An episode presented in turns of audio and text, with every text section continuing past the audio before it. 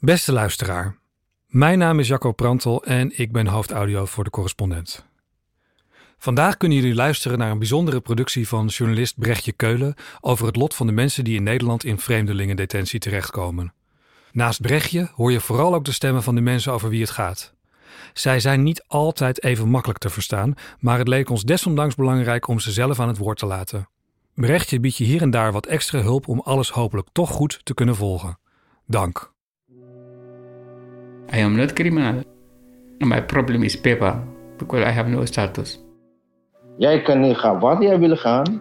Jij kan niet doen wat jij wil doen.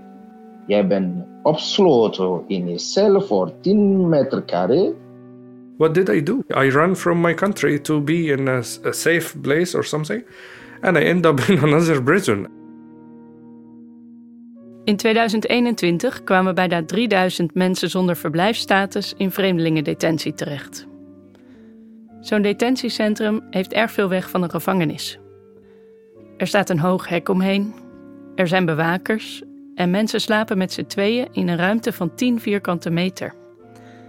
Zo'n ruimte wordt een kamer genoemd, maar het is gewoon een cel.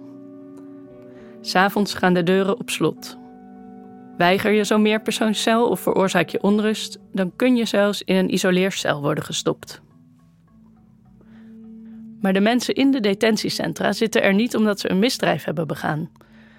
Ze zijn vastgezet omdat ze geen verblijfsrecht hebben in Nederland en beschikbaar moeten blijven voor uitzetting naar hun land van herkomst.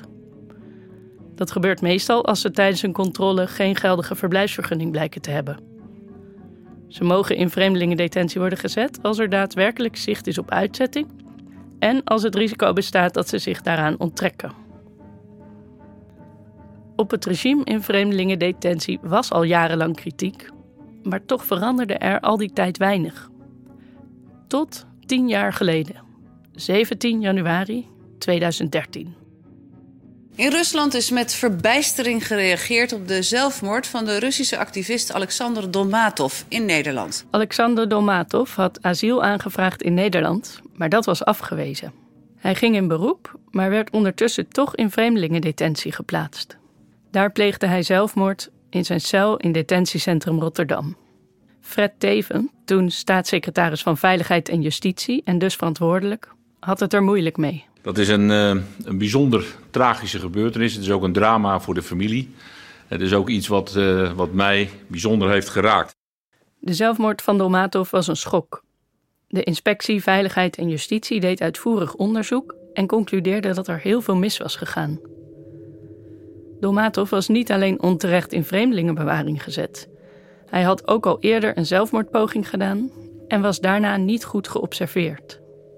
Dolmatovs advocaat, Mark Wijngaarden, zei daarover tegen RTL.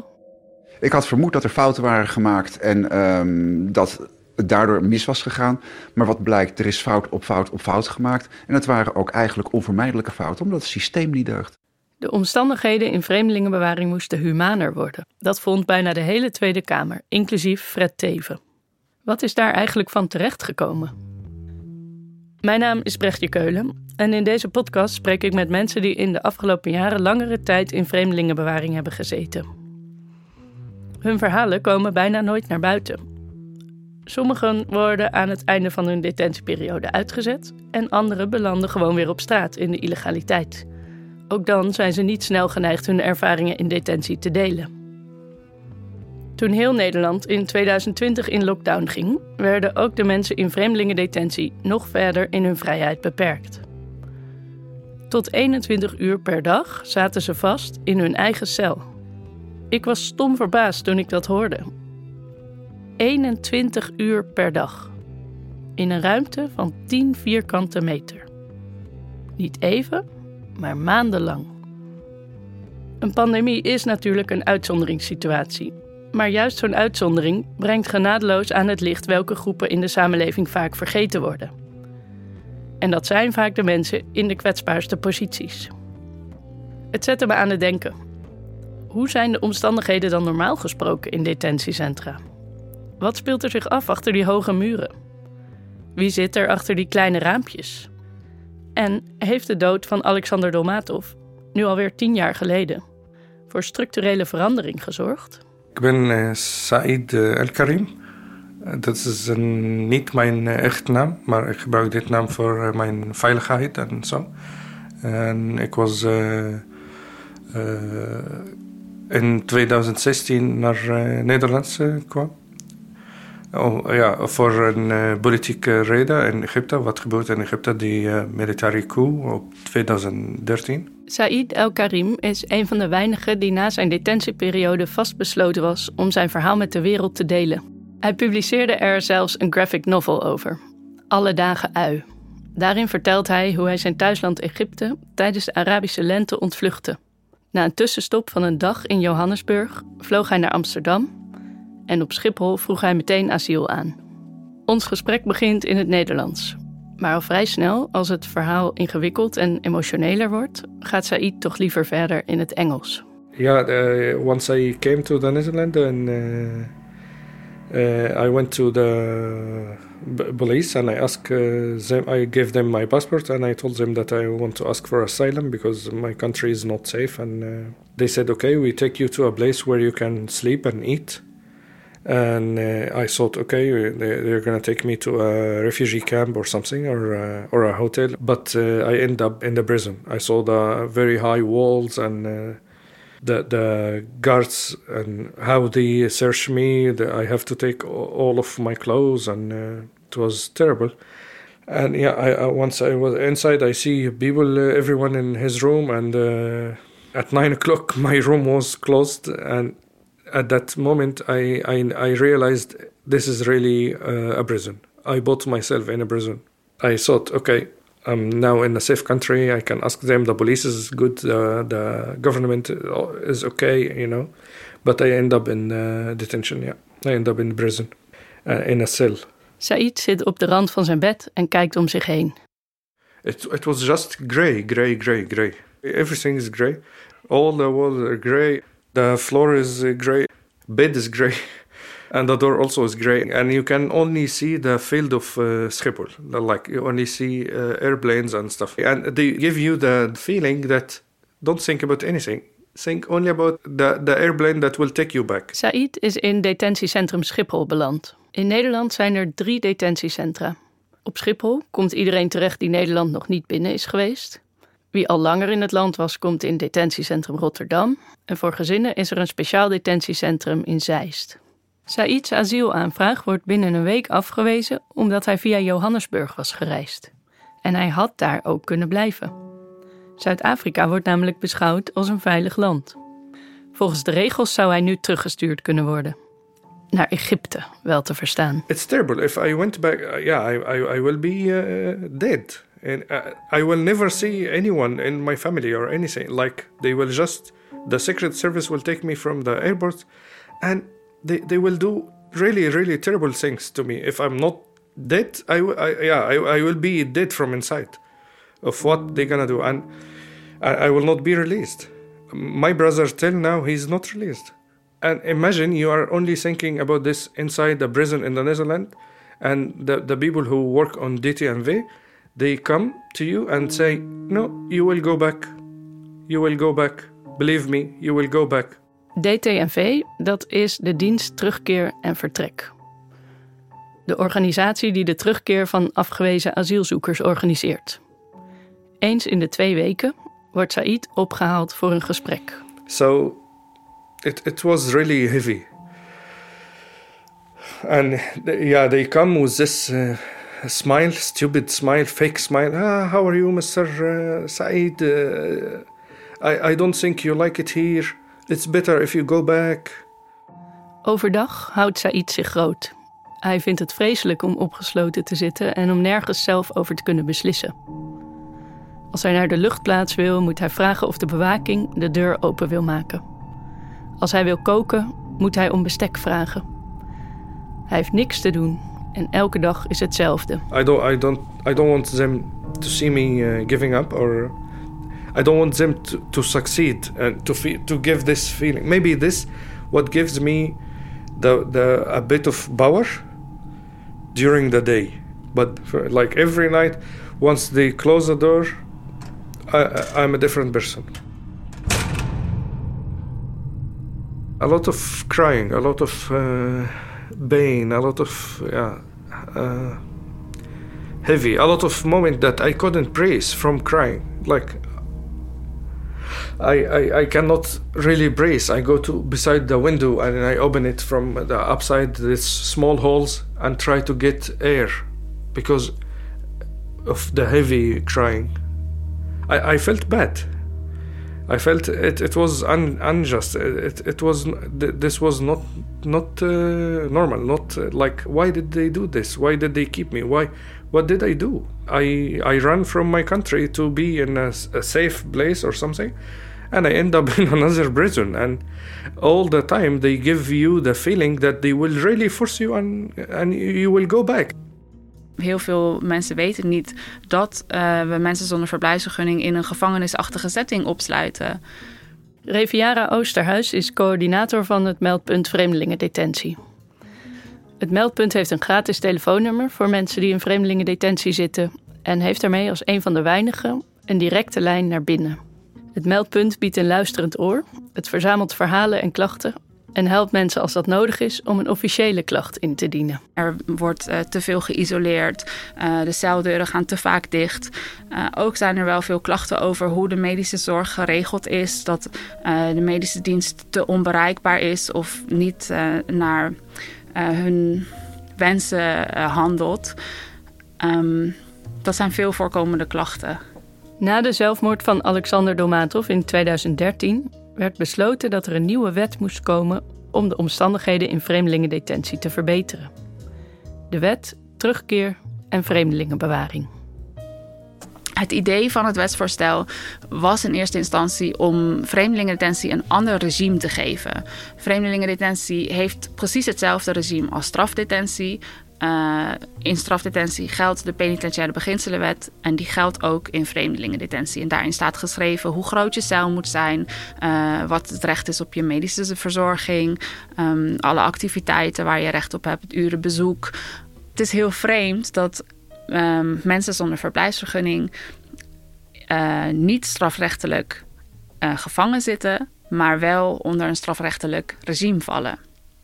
En daaruit is dus gekomen dat vreemdelingendetentie een apart regime zou moeten krijgen. Vreemdelingendetentie zou voortaan bovendien alleen nog een allerlaatste middel mogen zijn, een ultimum remedium. Er moeten meer mogelijkheden voor dagbesteding komen en de celdeuren moeten veel meer uren per dag open zijn. Twee jaar na de zelfmoord van Dolmatov, in 2015, werd het concept voor de nieuwe wet terugkeer en vreemdelingenbewaring aan de Tweede Kamer aangeboden. In de zomer van 2018 werd het ingediend bij de Eerste Kamer, waarna nog een gedeelte van dat wetsvoorstel aangepast moest worden. En daarna gebeurde er weer een tijd niks, ook door de verkiezingen en de lange formatie. De wet die betere omstandigheden in vreemdelingenbewaring moest garanderen, is bijna tien jaar na de zelfmoord van Alexander Dolmatov nog altijd niet ingevoerd. Gemiddeld zitten mensen ruim een maand in vreemdelingendetentie. Er zijn ook mensen die binnen een paar dagen al uitgezet worden. En er zijn mensen die er maandenlang verblijven, zoals de mensen die ik sprak. Dat zijn uitzonderingen, maar het is belangrijk om hun verhalen te horen. Juist zij hebben uitgebreid ervaren wat het betekent als je vrijheid je wordt afgenomen, terwijl je geen misdrijf hebt begaan. En zij weten als geen ander hoe het leven binnen de muren is. Said, die je eerder hoorde, zei keer op keer: Ik ben geen crimineel. Ik zou niet in de gevangenis moeten zitten. Er zijn ook mensen die keer op keer in vreemdelingendetentie terechtkomen. Zoals de Soedanese Ali. Een kleine man van een jaar of vijftig die een beetje hinkt en die niet altijd even makkelijk te verstaan is. My, my problem is paper, because I have no status. I am not criminal. I am not a thief. I am not make a problem. I am not hit. I don't make any bad thing. You know, they put me only for the, the paper. Ali komt uit Soudaan. Hij is al zijn halve leven in Nederland, maar hij had nooit de kans om naar school te gaan, te werken of een normaal leven op te bouwen. Ja, I came to Holland 2002. Until now I think 20 years. 20 years without status. Ali werd al vier keer in vreemdelingendetentie gezet. Geen van die keren bleek het daadwerkelijk mogelijk om hem terug te sturen naar Soudaan. The first time, the first time I see two two months and 15 days. Second times the six months. Third times is five months and 15 days. Fourth times is um, five months and 25 days. This, is the last time. The last time. Ali wil twee belangrijke dingen vertellen over zijn tijd in detentie. Het eerste gaat over het eten. Iedereen krijgt een kant-en-klaar maaltijd, die volgens Ali niet te eten is. Zelf koken mag wel, maar dat moet je je wel kunnen veroorloven. Boodschappen zijn duur. Het tweede punt gaat over zijn binnenkomst in het detentiecentrum. Ali werd toen gevisiteerd. That time is very, very bad because when you come, they take all your clothes. You let you just like your mother born you. And that is, for me, I, I, think, I find that is very shame. Visiteren, het inspecteren van de lichaamsholtes, gebeurt inmiddels niet meer standaard bij binnenkomst. Er is nu ook een bodyscan beschikbaar. They put uh, something, I think, just like computer or something like this. And they see your photo, yes, see anything. They see you without clothes. But they don't take your clothes. Detentiecentrum Rotterdam geeft in een gesprek aan dat er, vooruitlopend op de nieuwe wet terugkeer en vreemdelingenbewaring, in de afgelopen jaren wel degelijk veel is veranderd. Het visiteren is er één van. Een ander groot verschil is de overgang naar een systeem van interne vrijheden. Dat betekent dat mensen zich overdag vrij over de afdelingen mogen bewegen. Celdeuren gaan nu niet meer om vijf uur 's middags dicht, maar om tien uur 's avonds. Tenzij je op de beheersafdeling belandt, waar de regels strenger zijn. Er is ook meer bezoek mogelijk. Dat ging van twee naar vier uur per week. Mensen hebben nu een vaste telefoon op hun cel waarmee ze naar buiten kunnen bellen. Zolang ze het kunnen betalen, in ieder geval. Zo probeert het detentiecentrum hen binnen de muren steeds meer vrijheden te geven. Dat was ook wel nodig, want maatschappelijke organisaties hebben de afgelopen jaren heel vaak de noodklok geluid over vreemdelingendetentie. Amnesty International, Dokters van de Wereld en Meldpunt Vreemdelingendetentie waren in 2015 al heel kritisch over het gebruik van de isoleercel in vreemdelingendetentie. Vijf jaar later bleek die maatregel niet minder vaak, maar juist nog vaker te worden toegepast. De Nationale Ombudsman kaartte naast isolatie ook het gebrek aan privacy en aan zinvolle dagbesteding aan. Wereldgezondheidsorganisatie WHO waarschuwde voor de negatieve impact van vreemdelingendetentie op de gezondheid. Psychiaters van ARC Nationaal Psychotrauma Centrum concluderen dat vreemdelingendetentie tot psychische schade leidt. Daarover praat ik met meneer Batoure, die in 2020 werd uitgezet naar Niger, na 19 jaar in Nederland. Hoi, goedemiddag broertje. Hoe gaat het? Batoure had geen verblijfsvergunning, maar afgezien daarvan had hij zijn leven eigenlijk goed op orde in Nederland. Hij is een typisch voorbeeld van iemand die slechter uit vreemdelingendetentie kwam dan hij erin ging. Batoure zit nu in Niamey, de hoofdstad van Niger.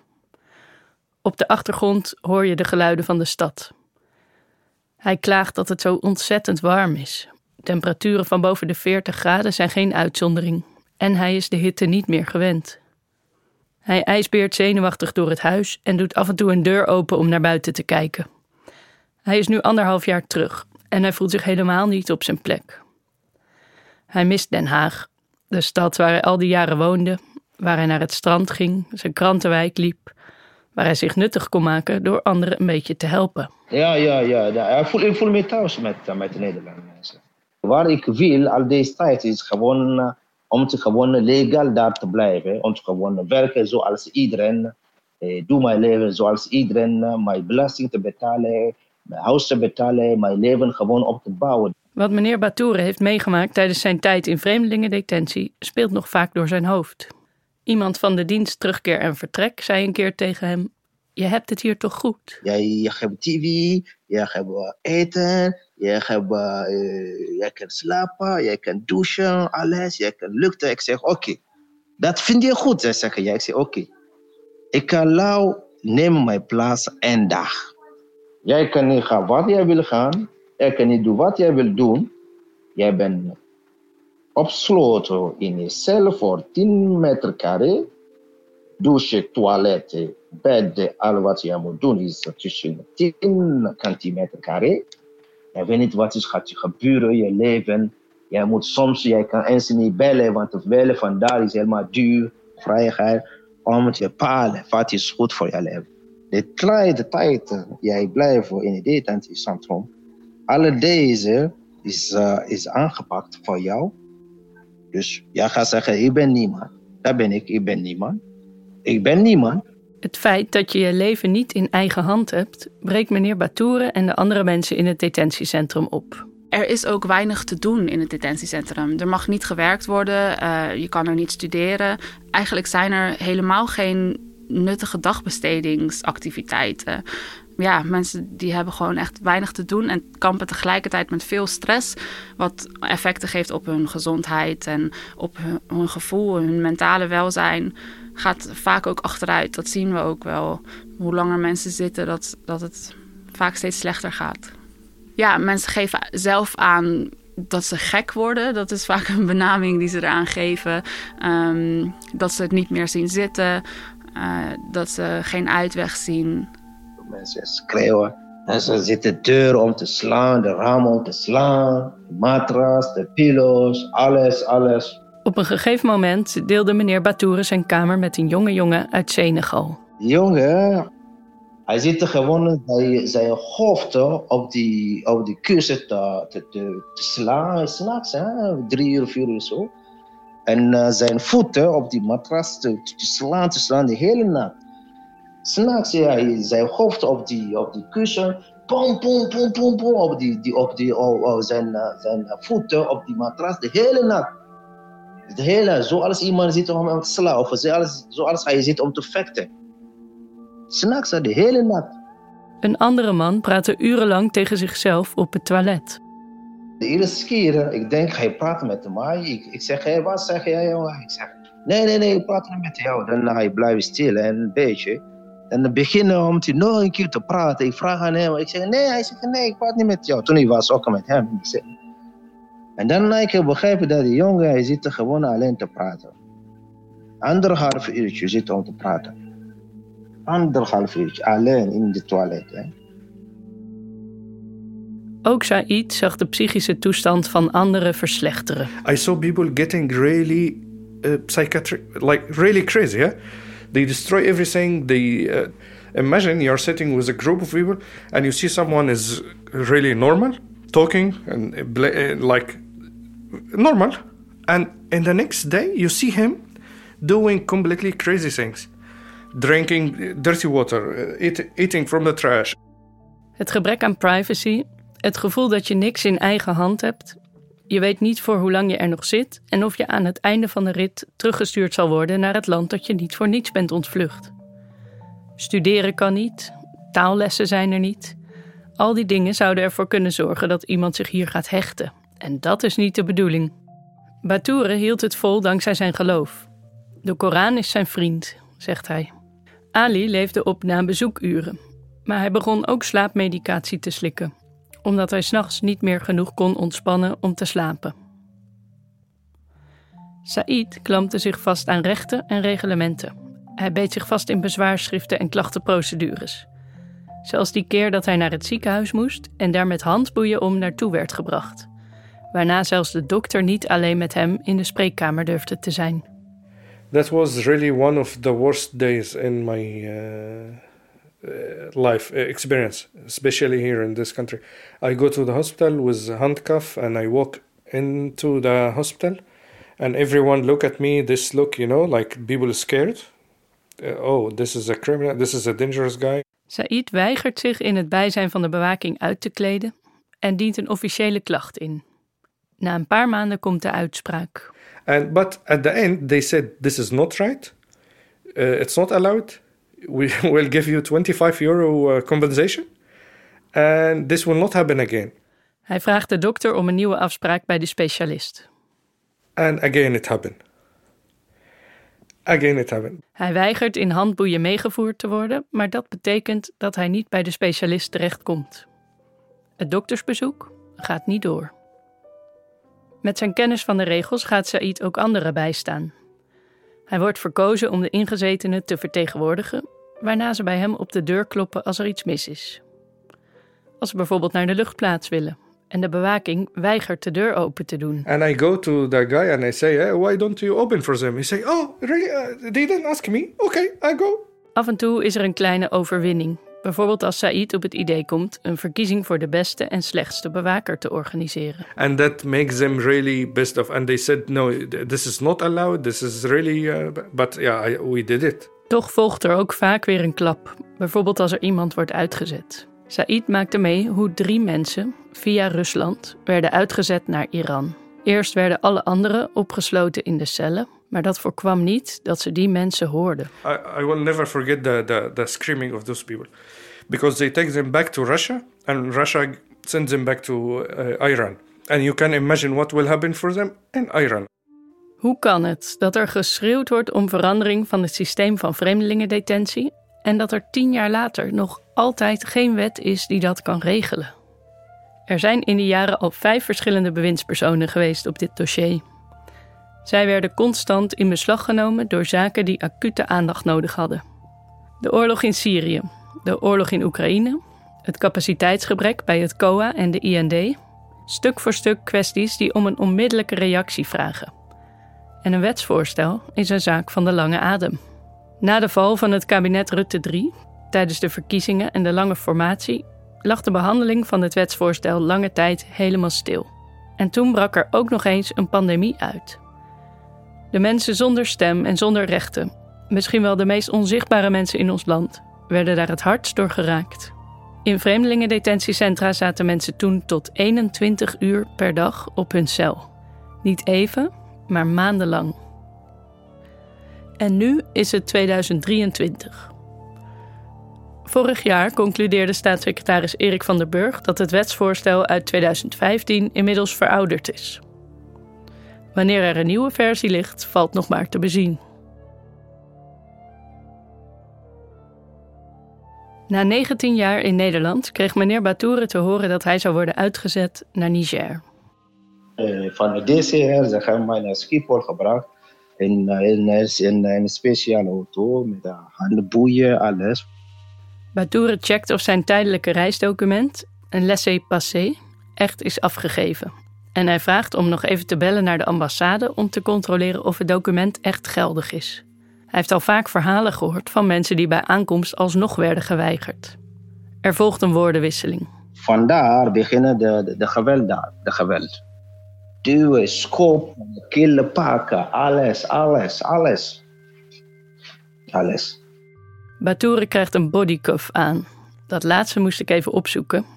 Maar José beschrijft het zelf als een comfortabel soort handboeien zonder metalen delen. Het maakt de polsen aan elkaar met gespen, zit vast rond het middel en ook onderaan de enkels.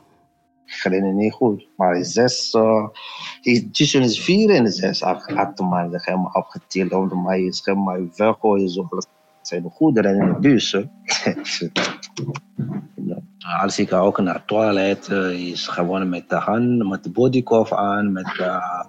gewoon met de naam voor die, bij die, de, de dingen bij je voeten. Dan moet je naar het toilet en het toilet moet open blijven. Normaal, echt normaal. Wordt met een privéjet naar Parijs gevlogen. Daar moet hij een stuk over het vliegveld lopen naar het vliegtuig dat hem naar Niger zal brengen. Sommige mensen gaat hij gewoon een foto maken om te zeggen, kijk, deze is zwaar crimineel. Zo, zo zij denken. Het is gewoon vernederend. Hè? Inmiddels is meneer Batoure anderhalf jaar terug in Niger. De eerste tijd durfde hij bijna niet naar buiten. Maar kijk eens, ik ben zoals, uh, zoals outcast, weet je. Ik zeg, uh, ik kan niet, uh, ik kan niet zomaar mijn, mijn hoofd buiten te zetten. Want kijk eens, hier in Afrika, mensen hebben andere, andere gedachten. Over, over mensen komen uit, uit Europa of andere landen. Zij ziet dat de persoon was uitgezet, dus zij denken die persoon is mislukken, snap je? Hij was uitgezet, dus hij, is gewoon mislukt. Hij is gewoon een loser. Batoure is op zoek naar een psycholoog die hem kan helpen om de trauma's te verwerken. Hij heeft nog regelmatig nachtmerries over de uitzetting. Ja, kijk, ik, ik droom altijd in deze kleine kamertje. Toen was ik daar, toen die pas, ik denk, vier of zes maanden beginnen om te op de grond te zetten. En eentje was uh, zijn hand over mijn keel. Dan ga ik zeggen tegen hem dat ik kan niet ademhalen. Zeggen, ja, ik kan wel ademhalen. En uh, zeg soms, ik zeg, ja, maar hoe moet je, hoe moet je ook uitkomen? Wat is gebeurd, is gebeurd. Ik kan niet de geschiedenis, ja, ik kan niet niks aan doen. Maar ja, is ook, uh, is ook niet makkelijk.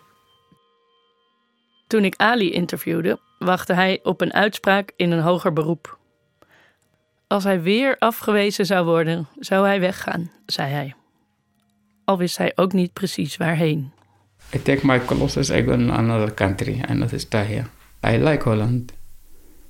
I want to stay here. No, no Sudanese here. Go four times to prison. No, only me. Ja. Eind december kreeg hij bericht dat hij na 20 jaar in Nederland alsnog een verblijfsvergunning heeft gekregen. Detentie brengt schade toe, ook aan de mensen die uiteindelijk niet worden uitgezet. Tien jaar geleden, na de dood van Alexander Dolmatov, was de hele Kamer gemotiveerd om de omstandigheden in vreemdelingendetentie te verbeteren. Maar die urgentie wordt niet meer gevoeld.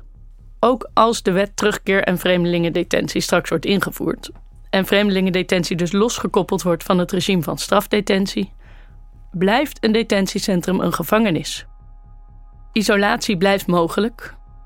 Visiteren gebeurt weliswaar niet meer standaard, maar is ook niet verboden. Celdeuren zijn vaker open, maar er is ook een aparte beheersafdeling voor mensen die de vrijheden volgens het personeel niet aan zouden kunnen. Ook komt er een mogelijkheid om een lockdown in te voeren bij calamiteiten. Mensen kunnen dan maximaal vier weken lang 23 uur per dag op hun cel worden gezet. Kan dat niet anders? De helft van de mensen in detentie wordt daadwerkelijk uitgezet. De rest komt of in een nieuwe procedure of op straat terecht, vaak met psychische deuken en gezondheidsschade. En dat zouden we niet moeten accepteren.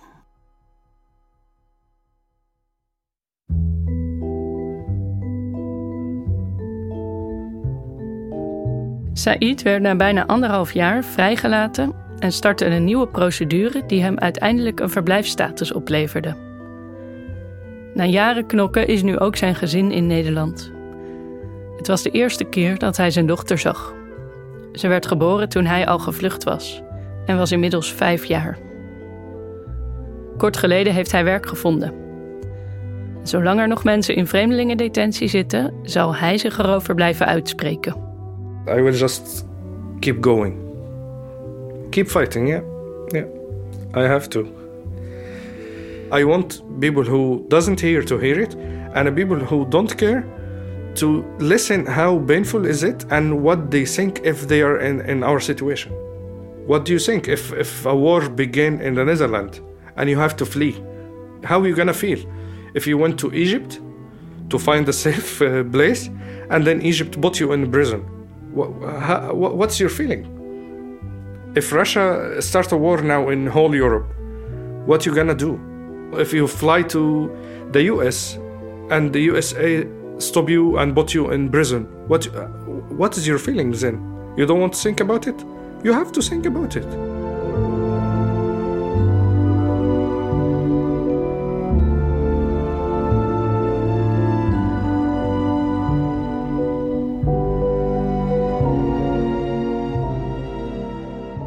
Dank voor het luisteren. Dit was een podcast van Brechtje Keulen voor de correspondent. Eindredactie Anna Vossers, Jelena Barezic en Maaike Goslinga. De redactie en montage was van mijn hand en ik ben Jacob Prantel. Veel dank aan alle geïnterviewden.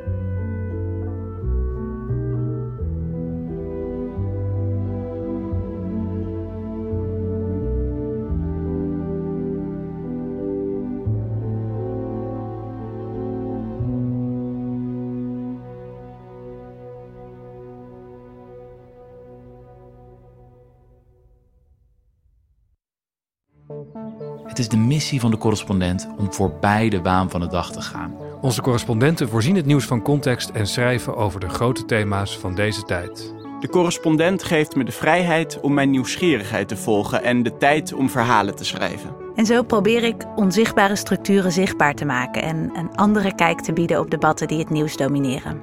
Dan gaat het minder over het spelletje en veel meer over wat er op het spel staat.